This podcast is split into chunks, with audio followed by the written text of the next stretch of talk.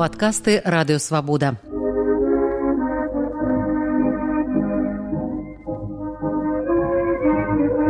Сто гісторый пра БНР Сергеем Шупам.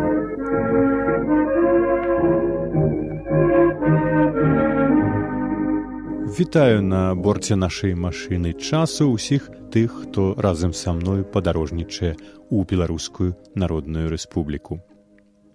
Сесія рады рэспублікі адкрылася ў юбілейным доме ў Менску урачыстым сходам 12 лістапада 1919 году.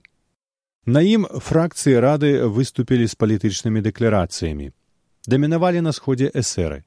У сваёй дэкларацыі яны заклікалі да поўнай незалежнасці і непадзельнасці беларусі выступілі з пратэстам супраць таго страшнага тэрору які робіцца польскай эндэцыяй на беларусі супраць гвалту над беларускім працоўным народам уся старонка наша стогне ад разрухі уціску і здзеку проект рэзалюцыі сходу дзе вызначаліся крокі да здабыцця незалежнасці быў таксама запрапанаваны эсерамі і з пэўнымі папраўкамі прыняты аднагалосна, што сведчыць пра размеркаванне сілаў у радзе.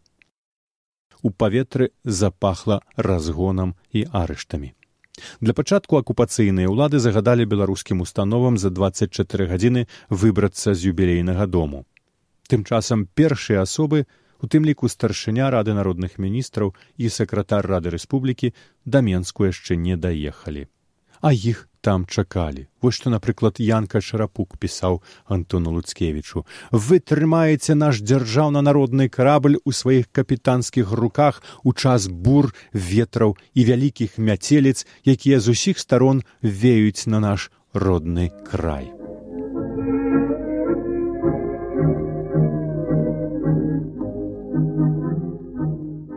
Тым часам 20 лістапада Антон Луцкевіч другі раз сустрэўся ў варшаве з начальнікам польскай дзяржавы Юзефам Пілсудскім. Агульны характар гутаркі быў вельмі ветлы і прыхільны.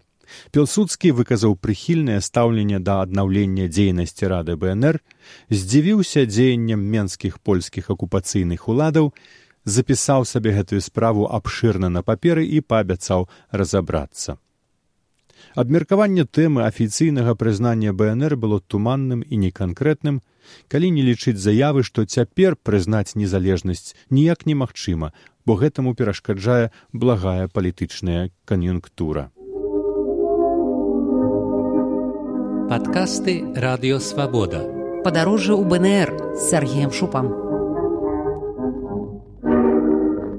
Адсутнасць Луцкевіча ў Менску моцна псавала тамтэйшыя настроі. Мы не можам больш чакаць і пойдзем на рашительныя шагі пагражала эсэрка бадунова. Тутака няма ні капейкі грашэй. Усе галадаюць не гадуюць і шмат хто едзе дамоў ні з чым. Пачакаем яшчэ чатыры пяць дзён і перавыбары прэзідыуму зробім. Вынесем яшчэ некалькі рэзалюцыяў а после пойдзем да народу. Калі ўрад не лічыцца з народам дык народ тым болей не павінен лічыцца з урадам А тым часам эсеры ўжо вялі таемныя перамовы з бальшавікамі наконт супольных антыпольскіх дзеянняў і ў адпаведным духу рыхтавалі пераварот у радзе рэспублікі. 25 лістапада палкоўнік езавітаў дасылае пераможную рэляцыю з канферэнцыі балтыйскіх дзяржаваў у юр'еве Канферэнцыя ў Юр'еве прызнала незалежнасць Беларусі кропка. Душеўскі дабіўся афіцыяльнага прызнання ад Фінляндыі кропка. Працуем у кантакце кропка. Асобны атрад беларускай рэспублікі пад камандую Балаховіча добра ваюе. Што азначала прызнанне канферэнцыі, а таксама з кім і за што ваяваў Балаховіч, бо 400 тысяч марак ад БНР ён так і не атрымаў, сказаць цяжка.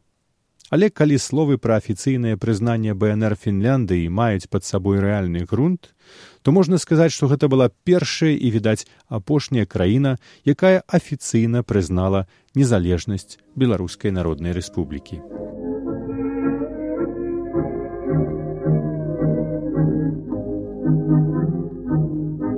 Дакладная дата прыезду старшыні рады народных міністраў антона луцкевіча ў менск невядомая 22 лістапада ён паведамляў, што праз тры дні выязджае туды з варшавы. Але 5 снежня ён ужо ўдзельнічае ў сходзе рады народных міністраў у Менску. прэм'ер адсутнічаў там роўна год. Сустрэўшыся ў Менску з прэм'ерам Луцкевічам, які адначасна быў міністрам замежных справаў, міністр фінансаў Васіль Захарка перадае яму 935 блянкаў пашпартоў БНР, нарыхтаваных беларускай місіяй у Берліне. Усяго іх было надрукавана 10 тысячаў. Замежныя пашпарты выдаваліся пад даным БНР на 6 месяцаў за 50 марак для праезду ў гэтак званыя старыя дзяржавы, за 25 марак у новаствораныя на тэрыторыі былой рассеі, а з саўсім бедных і быўшых ваеннапалонных плата бралася ў суме толькі 5 марак.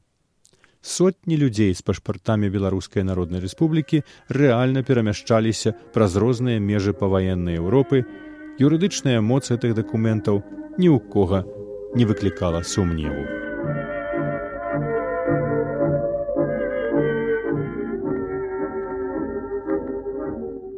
Вы слухалі падкаст радыёвабода. Наступны выпуск праз тыдзень. Усе падкасты свабоды ў інтэрнэце на адрасе свабода кропка орг. Штодня у любы час у любым месцы, калі зручна вам. Свабода кропка орг. Ваша свабода.